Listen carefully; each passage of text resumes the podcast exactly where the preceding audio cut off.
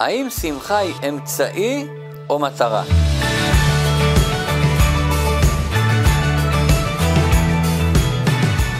יש היום הרבה סדנאות שמדברות על מציאת האושר.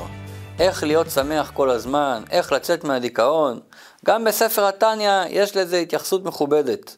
אדמו"ר הזקן מקדיש תשעה פרקים לנושא, איך לצאת מהדיכאונות ולהיכנס לשמחה. אבל יש הבדל מהותי בין האופן שבו מדברים על זה בסדנאות לבין מה שכתוב בספר התניא. בעולם המערבי, בעולם של היום, לפעמים ההרגשה היא שאושר הוא מטרה בפני עצמה. לשם אדם שואף, להיות מאושר, להיות שמח, להרגיש בהיי. אבל כל אחד שואל מה אחר כך? מה עושים עם השמחה הזאת אחרי שכבר מגיעים לשם? מה התכלית בזה? בעל התניא מתייחס לזה מכיוון שונה לגמרי. ולכן גם הוא מגיע לנושא הזה רק אחרי 25 פרקים, כמעט חצי ספר, עד שהוא מגיע לנושא הזה. קודם הוא מדבר על מטרה בחיים. מסביר על המאבק בין שתי הנפשות, על היכולת שלנו להתגבר על הנפש הבעמית, לתקן אותה ואת העולם. רק אחר כך הוא מגיע לשמחה. למה? כי שמחה בתניא זה לא מטרה, זה אמצעי. על ידי שמחה אפשר להגיע לכל המדרגות הכי גבוהות. כשאדם בשמחה הוא במוטיבציה גבוהה, הוא יכול להתגבר על הקשיים, על האתגרים. מסופר על האריז, על גדול המקובלים, שכל מי שלומד בתורת הסוד שואב ממנו, שאמר על עצמו שלכל ההשגות הגדולות שהגיע, הגיע בזכות השמחה שהייתה לו בכל מצווה שקיים.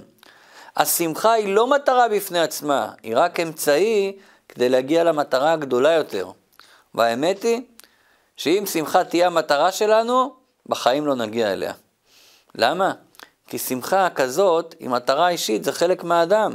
זה חלק מהרצון העצמי שלו, זה מגיע מהאגו. ולכן בסופו של דבר זה יביא את האדם לנפילה. כמו שאומר שלמה המלך, לפני שבר גאון.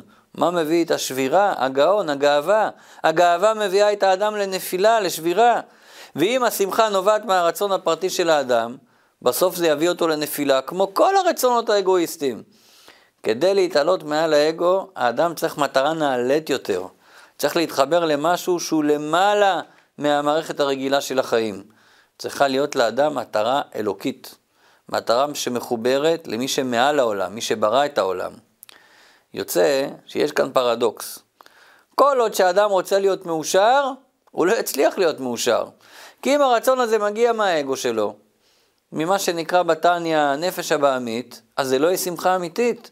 השמחה של הנפש הבעמית היא תמיד תלותית בסביבה החיצונית, ולכן זה לא דבר אמיתי שעומד בפני עצמו.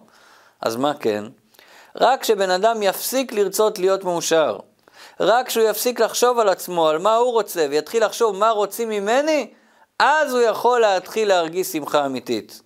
כמו הסיפור על חסיד של אדמו"ר הזקן, שהיה יהודי עשיר, בעל צדקה, אחד שחילק הרבה כסף לעניים, לאלמנות, ליתומים, דאג לכל מי שאין לו.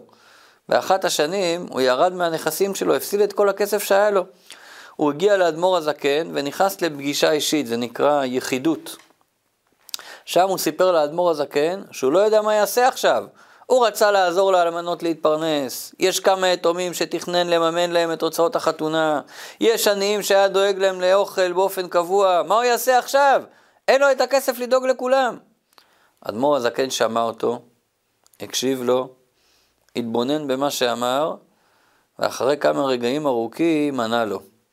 הוא אמר לו כך, עד עכשיו אמרת לי מה אתה רוצה. האם חשבת לשאול מה רוצים ממך? אמרת לי דברים מאוד נעלים וחשובים, אבל זה דברים שאתה רוצה אותם. השאלה שיהודי צריך לשאול את עצמו, היא מה רוצים ממני. לא מה אני צריך, אלא למה צריכים אותי. לא מה אני רוצה להשיג כאן בעולם, אלא מה בורא עולם רוצה ממני. רק אז יש לבן אדם סיכוי להגיע לשמחה אמיתית, כי רק אז הוא באמת שם את האגו בצד ומתחבר לנפש האלוקית. בשלב הבא, כשאדם מתחבר לשליחות שלו, למה שהוא צריך לעשות פה, אז הוא באמת מתרומם מעל הבהמיות שלו. ועכשיו השמחה הזאת הופכת למנוף, לאמצעי שיעזור לו להתמודד עם כל אתגר וקושי. כי מה זה בעצם שמחה? לא הכוונה שאדם רק מחייך או רוקד, למרות שאדם שמח באמת מחייך ואפילו רוקד, אבל שמחה זה חיות, זה מוטיבציה, זה רגש שמניע את האדם לעשייה, אדם שמח הוא אופטימי, הוא רואה את העולם בצורה חיובית, הוא גדוש בכוחות, במוטיבציה, באנרגיה גבוהה. אנרגיה שאנחנו כל כך צריכים היום, אפילו להתמודדות היומיומית הקטנה. ולכן שמחה היא אחד היסודות בעבודה של כל יהודי, כי רק ככה אפשר להתגבר על הקשיים. רק כשמלאים וחדורים באנרגיה ומוטיבציה. אבל מה לעשות שיש דברים בחיים שמקשים עלינו לשמוח. קורים אסונות, אנשים במצוקות, יש בעיות רפואיות, כלכליות, משפחתיות. איך מסתדרים עם זה? אומר בעל התניא, הפתרון לבעיות האלה מתחיל בשינוי ההסתכלות שלנו, הכל בראש. איך שאנחנו בוחרים להסתכל על המציאות, זה מה שיוצר את הרגשות. ההסתכלות שתעזור לנו להתמודד עם כל קושי, זה ההסתכלות האמונית. רק האמונה שהכל לטובה ואין רע יורד מלמעלה, היא יכולה לרומם את האדם גם במצבים הכי קשים, ונרחיב על זה בעזרת השם בהזדמנות אחרת.